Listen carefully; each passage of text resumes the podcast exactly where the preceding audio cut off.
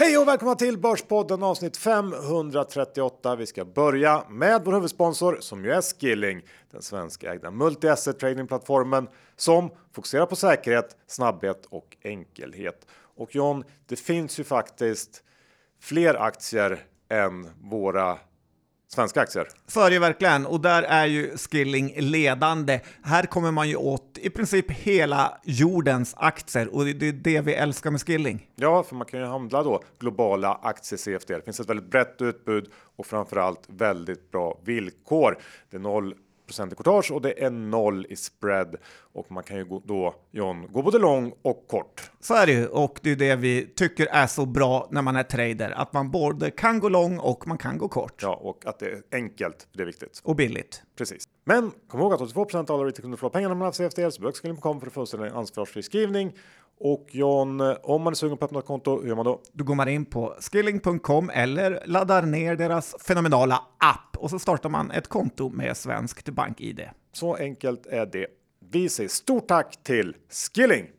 Idag John har vi så mycket att prata om så att vi hinner nästan inte eh, säga så mycket mer just nu. Nej, det gör vi inte för att det är Lucia, inte svart Lucia på börsen utan väldigt, väldigt eh, positiva tongångar. Så det ska vi prata om och försöka hitta börsens egna Lucia.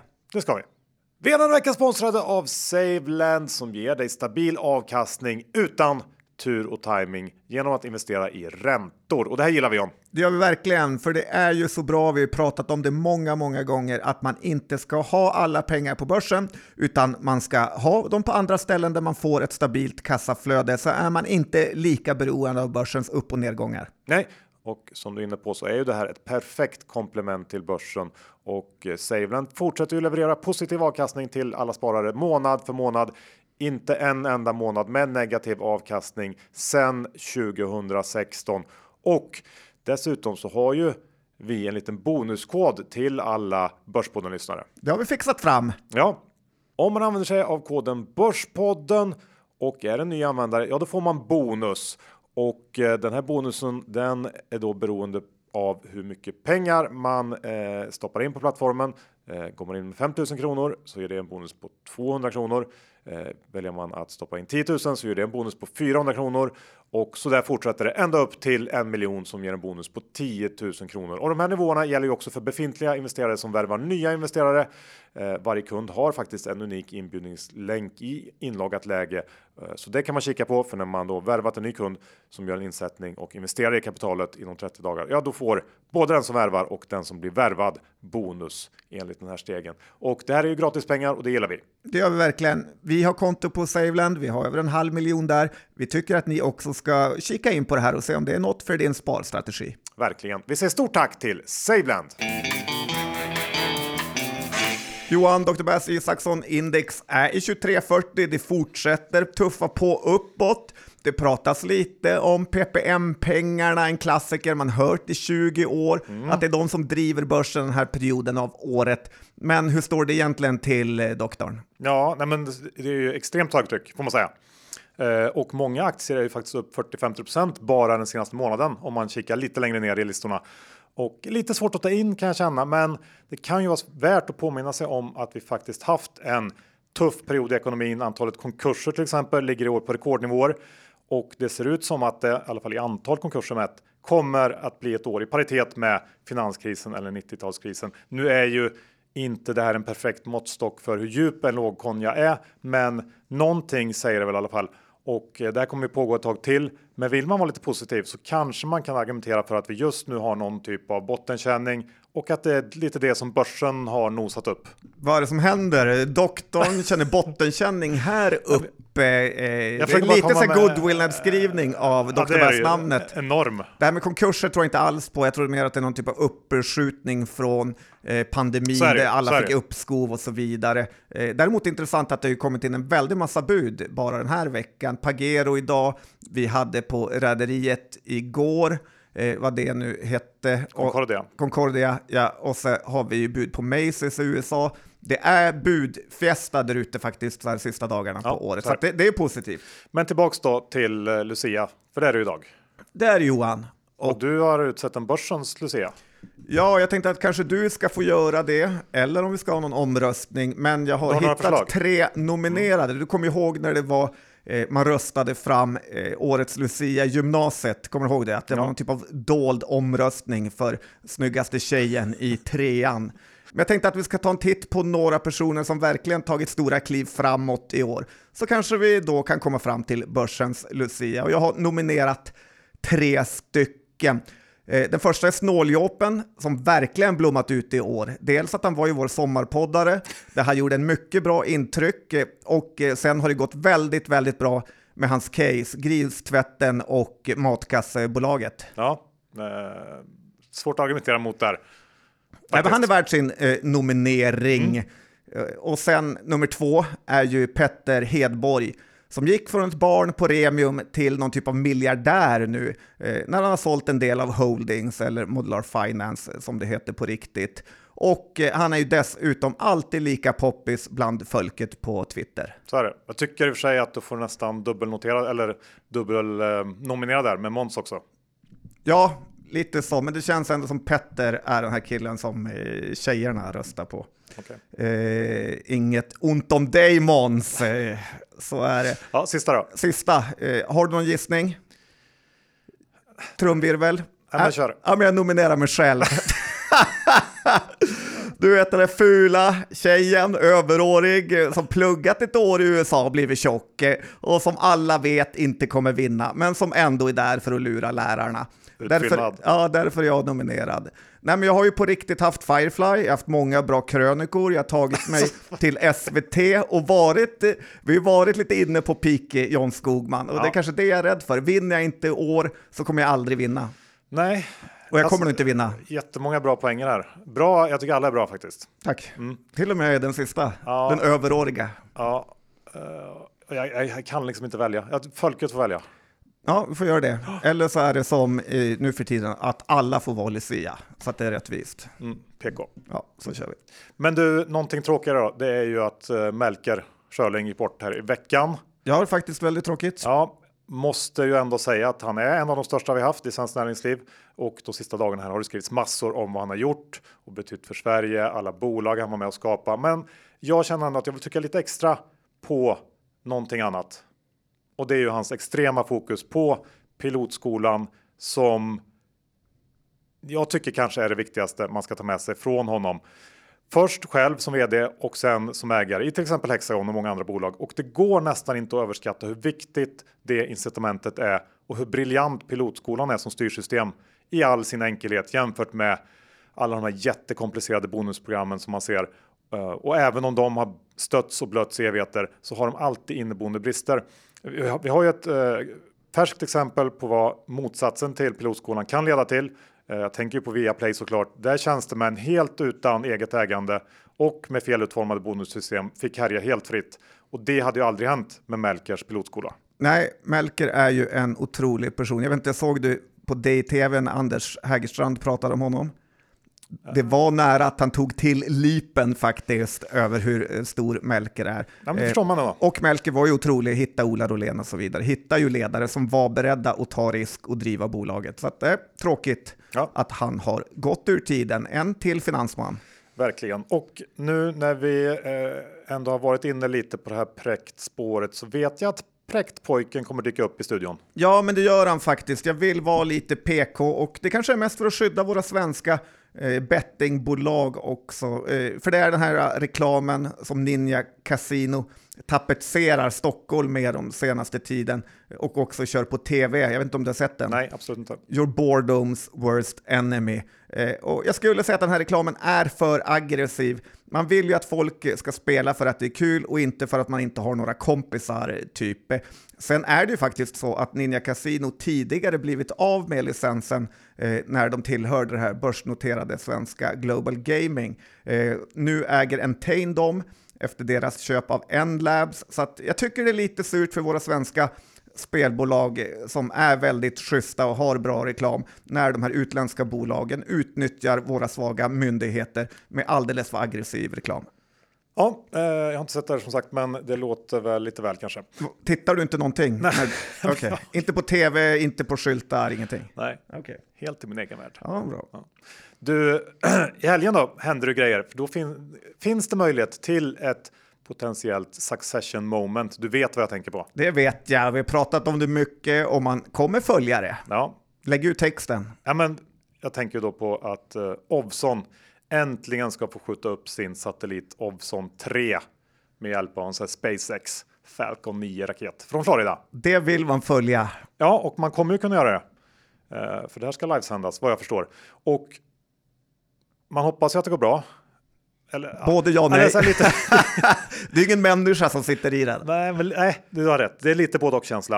Uh, det går liksom inte att inte fantisera om uh, ett sånt här Roman i Succession moment. Man tänker sig liksom att uh, Tigersköld och Brunlid och kompani står där. Fruktansvärt stissiga ja, och vill både fira ska skåla ja. i champagne. Ja, verkligen. Och sen så bara händer något. Ja. Någonting går fel. Man ser på alla. Det här är... Rakt ut i Atlanten. ja, nej, men om man ska vara seriös så är det väl. Um... Jag kollar faktiskt. Jag var tvungen att kolla hur ofta de här uh, grejerna kraschar eller sprängs. Det är ju väldigt sällan. Ja, tyvärr. Tyvärr så, lite. Så, så att, uh... Och lite stort för Ovzon att äntligen uh, få upp den här satelliten som de har pratat om så länge och som typ hela bolaget eh, bygger på. Ja. och just under tiden man håller på med nyemissionen här. Så det äh, vore kul för aktieägarna. Ja, och vi skojar tal... ju lite om att vi vill att den ska krascha. Ja, lite, lite. lite. men, men på tal om aktien och aktieägarna så har det ju spekats friskt i den eh, under veckan. Ja, den gick upp 50 procent här när det blev officiellt. Ja, och så har den fortsatt upp och sen gick den ner igår och så där. Eh, det kommer ju hända grejer på måndag givet då att uppskjutningen blir av här på lördag som ser ut. Eh, det kan man ju ganska säker på. Ja. Eh, men som sagt, det finns väldigt mycket olika förväntningar i den aktien så det är helt omöjligt nästan att säga om vad den reaktionen blir vid en lyckad uppskjutning. Vilken tid är det? Alltså nu ser det ut som att det ska vara lördag kväll, men jag tror att det är lite beroende på väder och Svensk vind. tid eller? Ja, exakt. Okej, okay. du twittrar ut en länk där, kan man sitta och mysa med en liten virre och se exakt. raketen åka. Sen är det ju så att PJ är ju inte ledsen just nu. Nej, trots allt. Vad då? Jag tänker på handbolls-VM. Just det, så är det ju. Han är ju handbollsfan. Jag tänkte på att Hemnet bara fortsätter uppåt. Det är en annan kul grej för honom. Men det är handbolls-VM för damer som har dragit igång och det är kul för alla oss som älskar sport. Vilken reklam? Unibet, måndag. Eh, ikväll har ju Sverige match mot Tyskland faktiskt. Du har sett oroväckande mycket bettingreklam känner jag. Ja, men jag tittar ju varje lördag på fotboll ja. och då eh, strösslar de ju med eh, reklam där. Eh, men match ikväll som sagt och eh, jag gillar ju också att kolla på vilka bolag som eh, dels stöttar idrott men också som har resurserna nog för att göra det på en hög nivå. Och hur man kan faktiskt kolla på nästan vilket sportevenemang 10, 20, 30 år tillbaka i tiden och se att de här bolagen faktiskt finns kvar än idag. Hummel det känner du till? Jajamän. Eh, den här träningsoverallen jag hade på mig på bilden i Affärsvärldens kalender, by the way. Nej, men lite så här klassiskt märke. De är någon typ av huvudsponsor och de ägs av det här danska bolaget Thornico, eh, som mest är känt för vad Johan? Ingen aning. Det är mycket frågesport idag, ja, och, du, och, du, kan ingenting. Nej, men så hummel, det är ja, B-märke. att de lagt eh, bud på äggkartongsbolaget. Hartman. Ja, precis. Äntligen kan det något. Eh, så det är lite kul att se det. Sen eh, har vi andra sponsorer som Nibe, Jadsinge, Jidsinge, det här norska försäkringsbolaget. Mm. Känns inte som att jag satte den. Betsson är stora där. Vet jag vad det är. Ja, har du sett det? Såg du förresten Days julhälsningar som vi körde? Jag såg att Pontus gjorde Med Pontus Lindvall var med. Eh, han typ lurade det att han fick sitta och köra reklam och ja. speltips där. Eh, försökte lura tittarna och betta på någon helt okänd amerikansk politiker. Eh, var inte schysst. Eh, den här, det är kalendern, i klippen. Den är liksom sevärd för att man skäms. Ja. Inte premiumkänsla ett av få bra beslut vi tagit på slutet. Ja, nej till ja, mycket bra gjort av oss. Och en av få saker vi tackar nej till. ja, men bra. Handbolls-VM var det. Det var det. Mm. Sen är frågan John om du vill säga någonting om eh, det här med. Vi har ju någon slags julklappsdiskussion på kontoret. Ska vi ge julklappar till varandra eller inte? Ja, vi har pratat om det. Testa något nytt här. Ett eh, gäng eh, män som ska ge klappar till varandra. För en julklapp som högst får kosta 200 spänn. Men med kicken att det måste vara en Rubicssons maskin från Kjell Company. En crème brûlée-brännare kanske får lov att vara, popcornmaskin, smörgåsjärn eller en sån här otrolig projektorklocka med alarm. eller så är man sugen på en digital skedvåg. Ja. Alltså en sked som du väger det du ska lägga på. Ja, det är så kassa grejer de här. Eller en mjölkskummare för varm och kall mjölk. Vem vill skumma kall mjölk? Eh, eh nej, men jag undrar lite så här med Kjell Company. De har så otroligt, otroligt många dåliga saker som de har börjat bygga sin affär kring. Eh, jag tittar på deras hemsida här och då heter det julklappstips under 500 och då är fyra av de tio första tipsen då såna olika Rubiksons maskiner man blir inte jättesugen på det här eh, bolaget. Och jag tycker att alla lyssnare som får en Rubicssons julklapp eh, får jättegärna lägga upp det på Twitter eller Insta och tagga oss där. Jag vill se det. Verkligen. Ska vi avsluta första delen med eh, en liten summering kanske? Vi har ju precis avslutat årets julmingelsäsong. Det har vi gjort. Tack Gud. Ja, nu gäller det att läka som någon skrev. Ja, det är skönt. Men vad är väl en julmingelsäsong utan John? Så är det. Ja. Men vi sitter inte i fängelse i alla fall. Nej, det gör vi inte. Och jag, tänk jag tänkte ändå att eh, vi kan ta upp två av Börspoddens gemensamma härvor. Som ja, vi trevligt. trasslat in oss i på ganska kort tid. Eh, och jag ska börja med att säga att den ena ger jag dig ansvaret för. Den andra kan jag tänka mig att ta i alla fall delar av ansvaret för. Schysst av dig. Men jag tänker vi börjar med det den du har ordnat. Ja. Och då får man gå tillbaks till Roger Akelius som du varit arg på på slutet. Ja, han har svikit mig. Och hans D-aktie. Ja. Eh, vi har ju pratat om det här eh, en hel del faktiskt på slutet och behöver inte göra någon längre utläggning kring det. Men i korthet så bygger ju det här på att Rogga ska dela ut jättemycket pengar från Akelius, vilket gör att balansräkningen hux flux går från toppen till ganska usel och samtidigt har han slutat köpa den här D-aktien och det här tillsammans har gjort att den här väldigt stabila Eh, i alla fall tidigare väldigt stabila D-aktien kollapsar totalt och det gör ju inte mig så där jättemycket egentligen. Jag tycker att det här var ganska kul eh, när du berättade om det och du satt i den här härvan tills jag då häromdagen titta in eh, i den legendariska lite mytomspunna BP-portföljen. Där en liten kille har smygköpt. till min förvåning måste jag säga såg jag att där låg det massor av D-aktier och eh, på mindre än en månad så är vi back 20% på dem. Så att jag tänker... Flera hundratusen vill, sa det också. Vill du kommentera det här på något sätt John? Eh, ja, det är väl eh, så här som en av styrkorna med aktier är att man ska alltid skylla på andra. Ja. Då känns det alltid lite lättare. Ska jag bara säga lite vad jag tror om det här caset nu? Ja, gör det. När du ändå liksom är inblandad i det. Eh, och eh, så här, vi har ju fått en del mejl och meddelanden här på Insta om andra som är arga på Roger och tycker han är ond. Men en sak ska man ha klart för sig. Det är liksom inte Roger Akelius uppgift att se till att du tjänar pengar på börsen. Nej, det, det måste man ju ha klart för sig. Och, eh, men samtidigt är det lite konstigt att Roger är själv ute och säger sådana saker som att han vill ha D-aktien noterad så att småspararna kan få ta del av Akelius värdeskapande för att sen typ skada dem med flit med alla hans konstiga uttalanden. Eh, å andra sidan igen så har ju vi spekulanter försökt fronta Roger och han har ju lite synat det här och det är just det som jag tror är grejen med eh, eh Akelius, att han alltid vill vara oförutsägbar. Och han har ju verkligen lyckats med det igen här. Eh, dock är väl frågan nu hur man ska agera. Eh, här, aktien har ju gått, eh, som du sa, från 1,80 till under 1,40. Någon vräker ut aktier och då måste man nästan tro på det här scenariot att Akelius det inte kommer betala någon utdelning för nästa år och att det skulle komma någon typ av skambud på aktien här. Det tror jag är helt fel. Tittar man på hur det gick till när preffaktien var noterad eh, så skötte ju eh, Akelius det här enligt alla regler och köpte tillbaka den för 347,50. Eh, man fick till och med 250 kronor då i uppluppen ränta. Så att jag tror att när vi som minst anar det så är Akelius tillbaka som köpare i den här aktien faktiskt. Så att det är väl lite mitt case.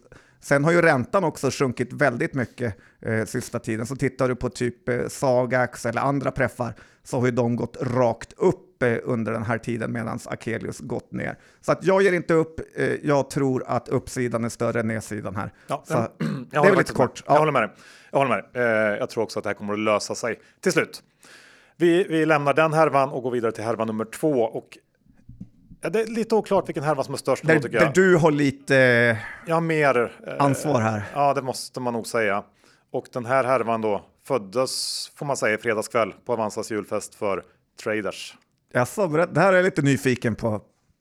Nej, men under kvällen där på Astoria så lyckades vi utmana Anders Jensen och Niklas Kulti Ja, ah, just det. i en dubbelmatch i Ja, tennis. usch. Det Nej, upp. jag har på riktigt mått dåligt över det här. Det är inte ofta jag känner att jag vet att jag kommer bli förnedrad, men nu känner jag det. Ja, jag vet ärligt talat inte hur det gick till.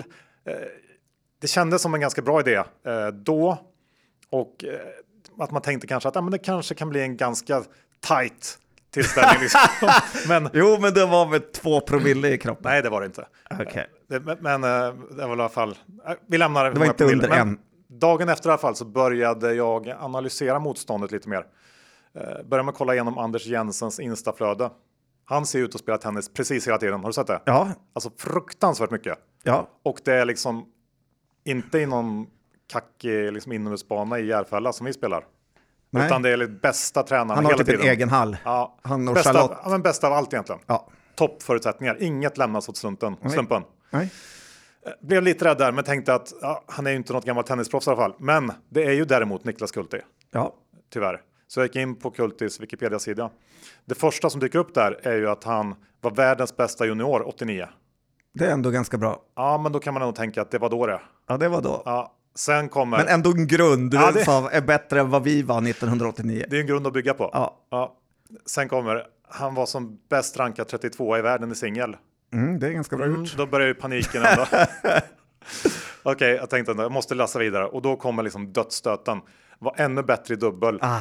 Två Grand Slam-finaler och 13 ATP-titlar. Mm. Och den här liksom monsterhärvan är ju ett faktum. Ja, det är ett faktum. Så nu är ju frågan, hur ska vi hantera det här? Får det inte bli totalt förnedrade? Går det ens? Eh, Jag tror inte att det går. Men har vi någon strategi? Vi har en vecka på oss. Ja, köra stenhårt. Du körde igång direkt med att försöka psyka dem genom att skriva jättetaskiga saker, taskiga saker på deras Instagram. Ja, att jag trodde de var bra och sådana grejer. Ja, jag är inte säker på att det räcker. Jag har googlat också på Niklas Kulti. Han bor ju i Finbromma. Han har, trots Kan att, vi han, åka runt? Kan vi liksom? men trots att han är tio år äldre så har, än oss så har han yngre fru. Det är, alltså så här, det, är inte mycket, det är inte mycket som talar för oss. Det är miracle on tennis court eh, som skulle vara det enda. Och det är att vi vinner ett game typ. Ja. Ja, men har eh, någon lyssnare något tips så skicka Ja, direkt. nu.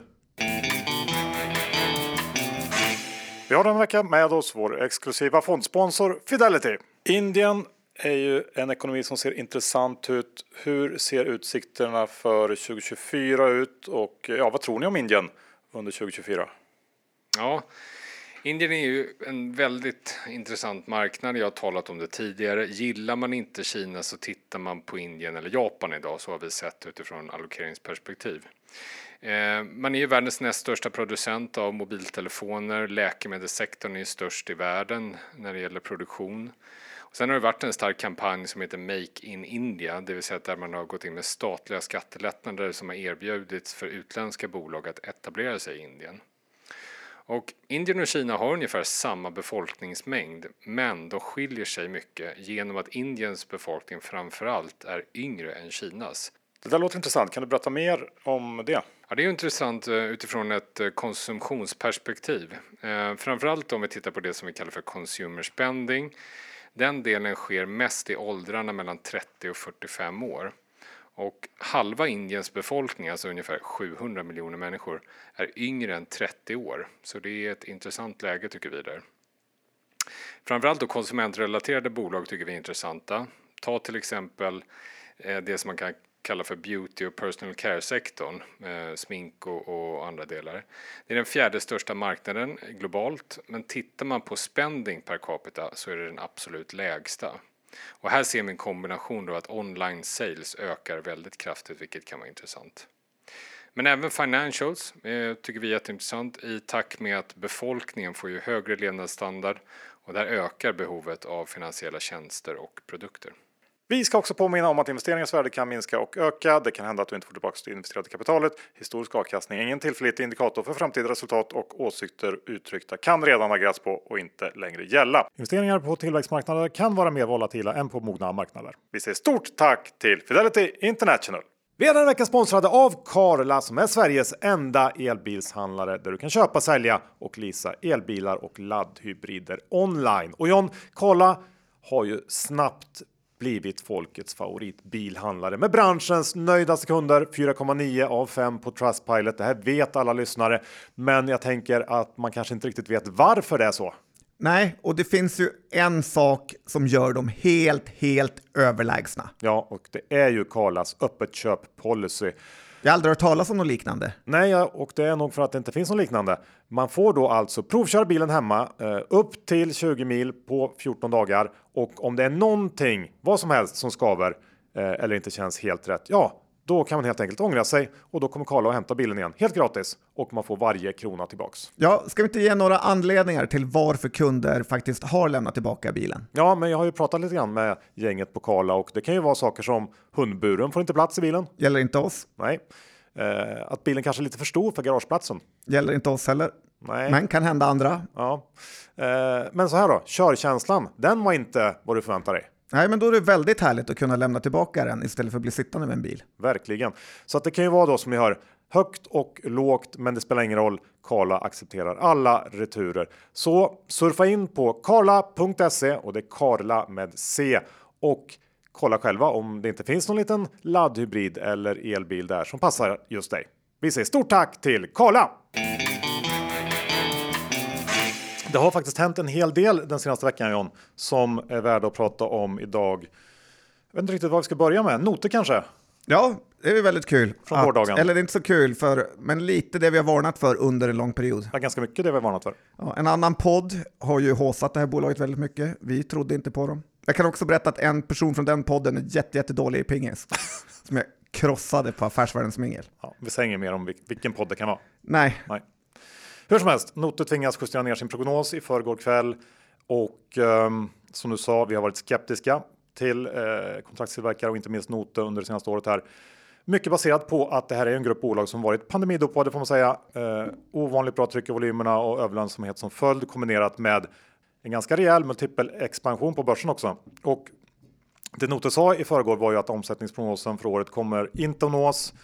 Eh, omsättnings, eh, eller omsättningen i Q4 kommer att komma in strax under 1,1 miljard. Rörelsemarginal 8,5 till 9 procent och jämför man det med vad de sagt tidigare så är det här liksom en sänkning av omsättningsprognosen med ungefär 6 procent och jämfört med förra årets Q4 så innebär det faktiskt att eh, rörelseresultatet kommer att backa med 15 procent. Så att det är ju ändå någonting som har hänt och orsaken till det här ska vara förseningar i uppstarten av nya projekt och omställningskostnader i fabriker där omsättningen på flera kunder blev lägre än vad man förutsåg vid ingången av kvartalet. Och det här sista tycker jag, det är precis vad man, eller i alla fall jag, varit rädd för hos kontraktstillverkarna.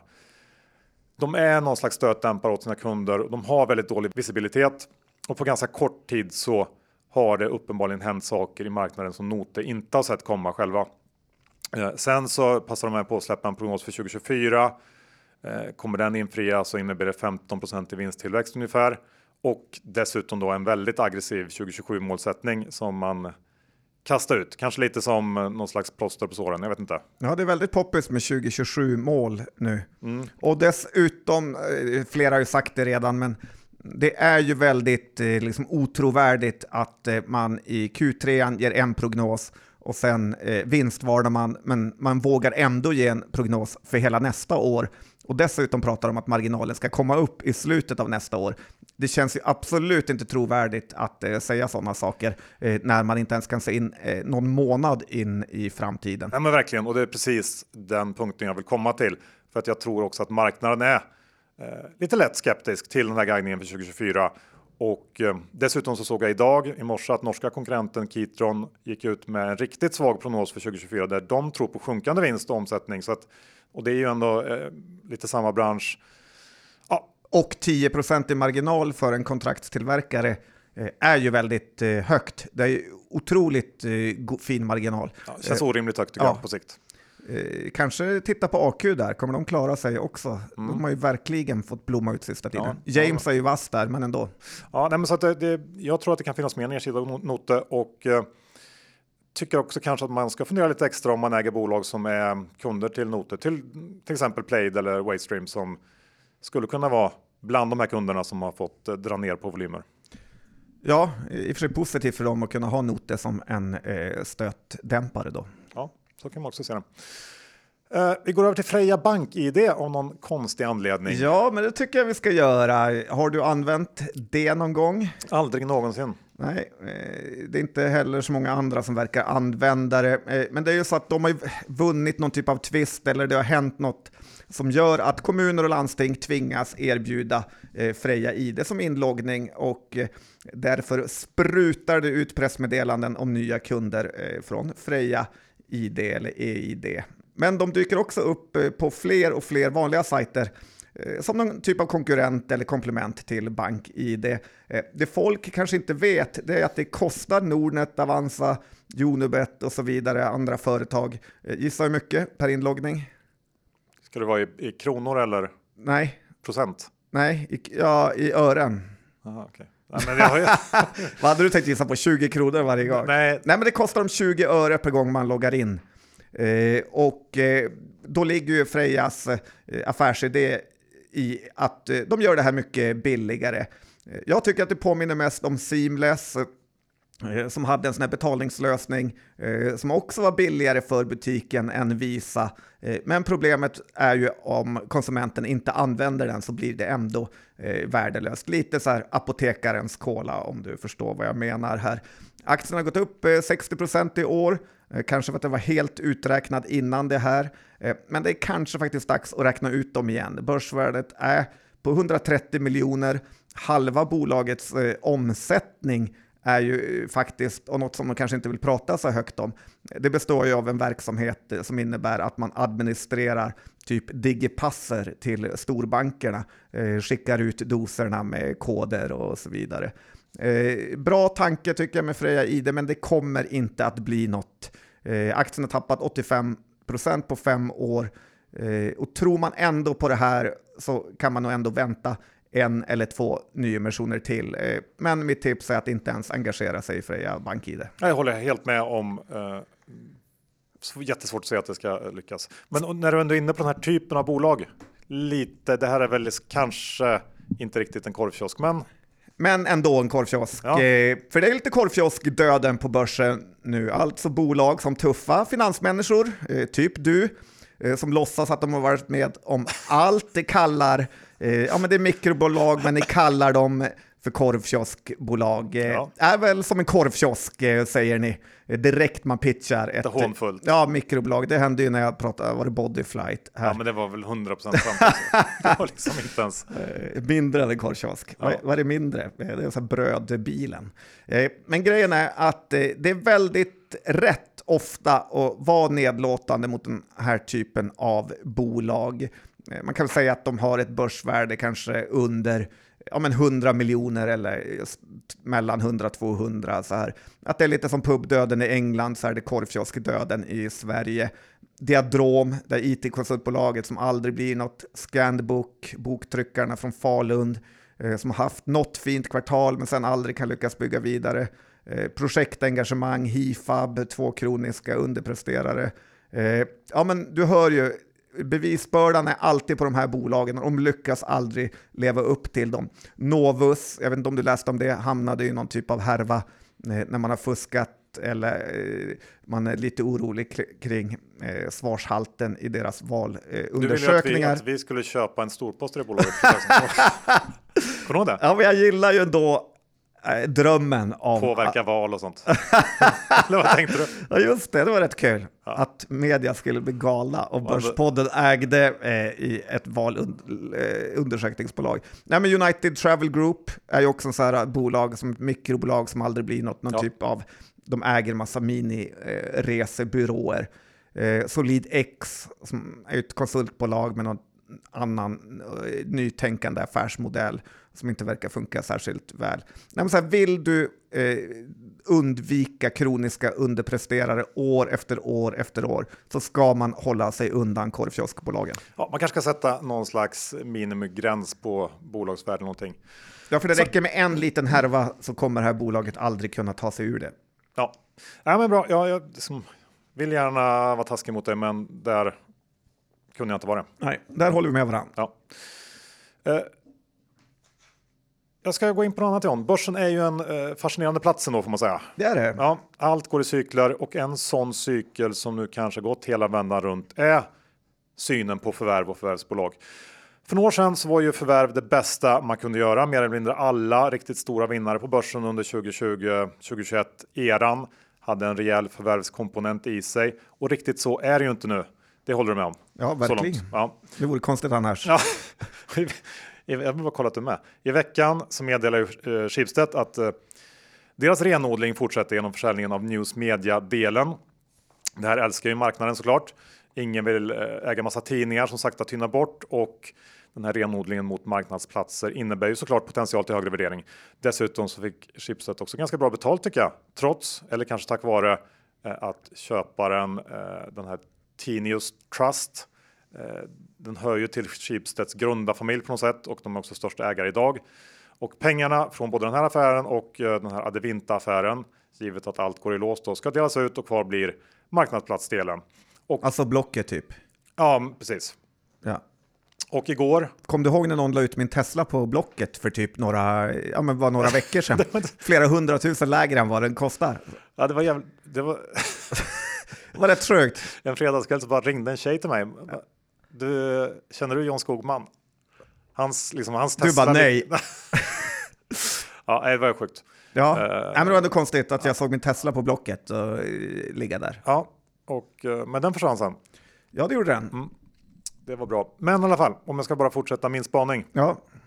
Så igår på samma tema så meddelade Vestum att man eh, genomför ett antal så kallade strategiska avyttringar för att öka graden av specialisering och stärka kassaflödet och renodla strukturen. Och Vestum sålde då fem bolag. Det här ska leda till en minskad nettoskuld på ungefär 200 miljoner, men också reaförluster på nästan 500 miljoner kronor. Så det här är ju eh, liksom usla investeringar som man har gjort och nu tar stoppen på. Men det spelar inte någon större roll för också här applåderades beskedet av marknaden som skickade upp aktien rejält. I och för sig får man säga pådrivet av ett stort insynsköp av ingen ryk utan eld Conny. Men marknaden är ändå ganska tydlig här. Sånt här gillar man just nu. Jag har väl sett det i storskogen också, sånt att eh, man gillar när man eh, deleveragear lite, även om det blir till goodwillförluster. Men John, så hände något annat. Ja. Igår. Alltså? Samtidigt som det här pågick. Samtidigt? Ja, typ. Berätta. Nej, men HMS slog till med ett storförvärv av eh, ett amerikanskt bolag, Red Lion Controls, för 3,6 miljarder. Och det här älskar börsen också. Mm. Lite konstigt ändå. Ja, men man, man kan väl säga att börsen älskar bra balansräkningar nu. Att du kan köpa bra bolag medan eh, man, de här överskuldsatta bolagen blir man glada om de bara inte är lika skuldsatta som så, tidigare. Så är det ju och det här verkar också vara ett vettigt köp. HMS har faktiskt tidigare inte haft så stor exponering mot USA, men eh, nu ökar den rejält och eh, eftersom bolaget också var tydligt med att USA gått först in i den här trenden med lagerneddragningar och normaliserade ordrar så borde Red Lions siffror inte eh, vara uppumpade till max nu i alla fall. Så att det känns vettigt och eh, kanske till och med kan bidra till att balansera upp orderingången här för HMS kommande kvartal. För det har ju varit lite svagt på slutet. Så efter förvärvet, om vi ska prata skuldsättning, så kommer den tillfälligt gå upp lite grann över deras målsättning. Men det ska göras en ny, ny emission och så kommer den komma ner ganska snart igen till runt två gånger ebitda igen. Aktien upp 12% på det här igår bra betalt ändå får man säga. Tycker jag. Ja, verkligen. Det är svårt att förstå att eh, bara för att ett, ett bolag eh, tas över av ett annat, att det bolaget ska gå upp 12 procent. Men HMS är ju väldigt duktiga eh, maskiner som pratar med maskiner. Eh, man har alltid gillat det. Men det jag ville komma till var kanske att det är ett litet, litet trendskifte då som indikerar att den här cykeln är på väg att på något sätt eh, svänga igen. Eller på något sätt byter vi i alla fall, eh, går över till någon ny fas i det här. Ja, men som börsoptimist så hoppas jag verkligen att du har rätt. Mm. Eh, Ska vi prata Nor- lite mer Norge när du ändå var inne på Schibsted? Ja, gärna. Eh, prata lite Orkla här, för det är lite ett intressant läge i den här norska enorma konsumentjätten som äger varumärken. Du får en till chans Johan, kan du nämna några varumärken Orkla äger? OLV. Bra. Eh, Kalles Kaviar, just det. jag Abba. tänkte- Ja, exakt. Vad de jag tänkte på. Det var de du tänkte på. Ja. Du är som ett barn i skolan där. Eh, Grandiosa pizza faktiskt, eh, Kronjäst till och med, men de har en enorm mängd eh, kända varumärken. De var mycket. som är ganska kul att eh, kolla på. Eh, däremot har ju Orkla underpresterat grovt eh, de senaste åren. Och nu har man en ny vd där eh, sedan något år eh, och han ska göra Orkla till ett eh, typ av investmentbolag eller någon form av paraplyholdingbolag där man har delat upp Orkla i 12 helt egna företag där alla ska ha totalt ansvar över sig själva. Eh, de hade nyligen en kapitalmarknadsdag där de berättade om det här. Och det här är en gigantisk eh, förändring för Orkla eh, som är ju lite av någon, ja men typ sovande jätte här faktiskt. Börsvärde kring 80 miljarder NOK som man är stora. Eh, Jag vet inte om du kommer ihåg det, men de köpte ju bland annat Kotti Pizza. Eh, Just det, det finska. Ja, och har ju ett stort antal eh, pizzabolag här också, eh, som är ett av de här då 12 eh, bolagen. Pizzabenet. Ja, precis. Eh, Ett annat intressant bolag Orkla kör eh, separat är ju det här klädbolaget Pierre Robert. Har du hört talas om det? Eh, Eller så underkläder eller? ja, Typ mycket kalsonger och sånt. Ja, du är kalsongkungen, sånt har du koll på. Eh, lite konstigt är det att man faktiskt väljer att köra det här som ett helt eget bolag mm, då man endast omsätter en halv miljard, kanske vill man eh, sälja det. Kollar man på Matsmart, som jag ibland är och tittar på under tuffa tider, så har de ju alltid utförsäljning av Pierre Robert-kläder, eh, vilket kanske inte riktigt är så här Louis Vuitton-vägen att bygga upp ett varumärke Nej, och vräka ut dem på mat Nej. eh, smart. eh, eh, men det som är intressant med Orkla är ju att eh, vdn lovar att man ska få mellan 12 till 14 procent i shareholder value här per år via utdelningar eller återköp. Och eh, det låter nästan för bra för att vara sant, men stämmer det så kommer det bli en väldigt bra affär att köpa Orkla här. Eh, dessutom kul, som sagt, att kunna äga varumärkena man köper på daglig basis. Ja, kul spaning och sen har du spanat vidare faktiskt den här veckan John i USA. Ja, men på tal om status som kanske Pierre Robert inte är, men något som inte säljs på Matsmart är ju Berkshire A-aktien eh, som verkar eh, bli någon typ av statussymbol faktiskt att äga. Alltså den här Buffett-aktien då eh, som aldrig splittats och nu handlas i ungefär 550 000 dollar per aktie. Den har konstigt nog en premiumvärdering på 2% jämfört med den mer humana eh, B-aktien som är en 1500 del av A-aktien. Eh, egentligen borde den kosta 366 dollar, men den kostar 360. Eh, amerikanska experter säger att eh, det är vid den här skillnaden så brukar aktierna då spreada ihop. Men frågan jag tänker, eh, men frågan är om man kanske inte ska ta ett bett på att det här blir någon typ av huvudstaden C-känsla när A-aktien kanske blir någon typ av riktig statussymbol. Jag tänker också att det kan bli någon sån bitcoin-grej. Det finns bara liksom 21 miljoner bitcoins. Det finns bara så många Berkshire A. Ja, Och är man miljardär så måste man ha en. Av varje, Verkligen. Minst. ja. eller liksom miljardärer kanske inte bryr sig så mycket om att ha eh, fem, en fem miljoners aktie, utan mer typ sådana som vi Ja.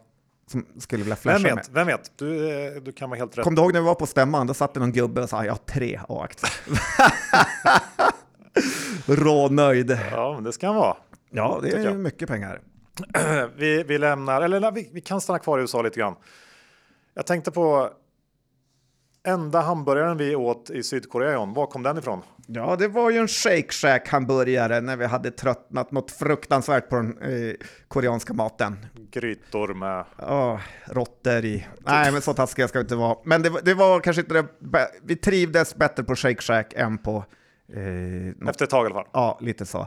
Och eh, det, den här aktien fick en nytändning i måndags när grundaren och vdn sa att han ska hoppa av eh, för att en ny hungrigare, Dubbel bemärkelse. ja precis, jag Kul. tyckte att jag var rolig där. Jättekul. Ja, nej, men han sa att eh, de ska skaffa en ny vd som ska satsa ännu mer på eh, tillväxt. Eh, Shake Shack är ju faktiskt ett ganska litet bolag med amerikanska mått.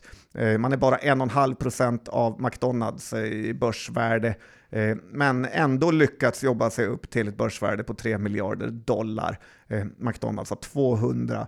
Eh, det som är intressant med tanke på det vi pratat om tidigare, det är ju att Shake Shack verkligen började som en korvkiosk på 11 Madison Park 2001. Så att här har de ju verkligen visat att det går faktiskt att bygga upp ett bolag eh, från en korvkiosk till att bli ja, men, eh, jättes, jättestora. Så att eh, det ska bli kul att följa. Vore kul om Shake Shack kom till eh, Sverige med. Ja, fast ändå. Du vill bara äta det när du är utomlands. Nej, mer att man är väl fruktansvärt, fruktansvärt trött på hamburgare. Ändå äter man det flera gånger i veckan? Nej, inte flera. Nej, okej. Okay. Ja, men det gör man ändå. Mm. Ja, jag tror det är lite sent bara för dem att komma hit. John, jag vill avsluta med en eh, ganska härlig grej. Ja, få höra. Veckans härligaste pressmeddelande. Jaså? Det var ju höga krav. Nu ja, har men... du höjt upp stämningen. ja, jag känner ändå att det var ett härligt avsnitt och vill avsluta eh, på topp i samma anda. Men det här är lite, lite av ett finsmakar-PM. Jag tror inte att du har läst det här faktiskt. Det har jag inte gjort. Nej, för i fredags så skickade profilgruppen upp, ut ett PM med den ganska spännande rubriken får man säga. Dåliga och goda budskap. Ja, trevligt. Ja, och eh, det dåliga då som profilgruppen vill Börjar de med det dåliga? Eller ja, börjar nej, de med det bra? De börjar med det dåliga. Klassiker, uh, ja. berättarteknik. Någon PR-konsult tog jättemycket pengar för det. Ja, det dåliga de vill berätta om det är att uh, man upptäckt jättemånga fel i redovisningen som har lett till att det operativa resultatet felaktigt blåsts upp och då tänker man ju att ja, det här var ju ganska dåligt. Ja, det var dåligt. Ja. Det är ju skräck. Så vad är då det goda budskapet? Undrar du kanske John? Ja, det gör jag. Ja. Det ska jag berätta, för sen kommer det. Eh, och nu citerar jag från, eh, från pressmeddelandet. Det goda i ovanstående förhållande är att vi har upptäckt felen. Mycket bra. Det... och sen kommer dessa redovisningsfel är så stora att vi givetvis har misstänkt att något har varit fel. Oj, oj, oj, vilket dream team som sitter på den där ekonomiavdelningen. Vi har också haft dialog med våra revisorer om underligheterna. Men varken de eller tidigare befattningshavare i ledningen för profilgruppen lyckades lista ut oj, oj, oj. vad som var fel.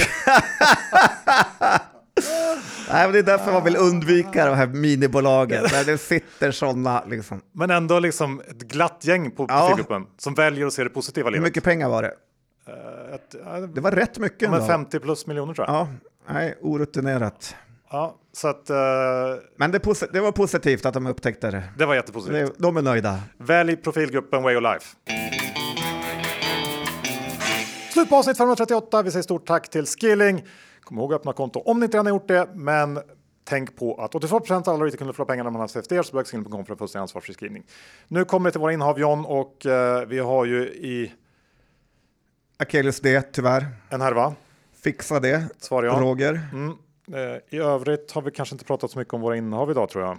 Nej, jag har ett gäng Rubicssons maskiner på vinden. Mm, Glöm inte bort att posta dem. Det är liksom inte ett innehav Nej. på det sättet. Ja, men bra. Ja, tack. Då tackar vi för att ni lyssnade. Hörs om en vecka igen. Hej då! Det gör vi. Ha det bra!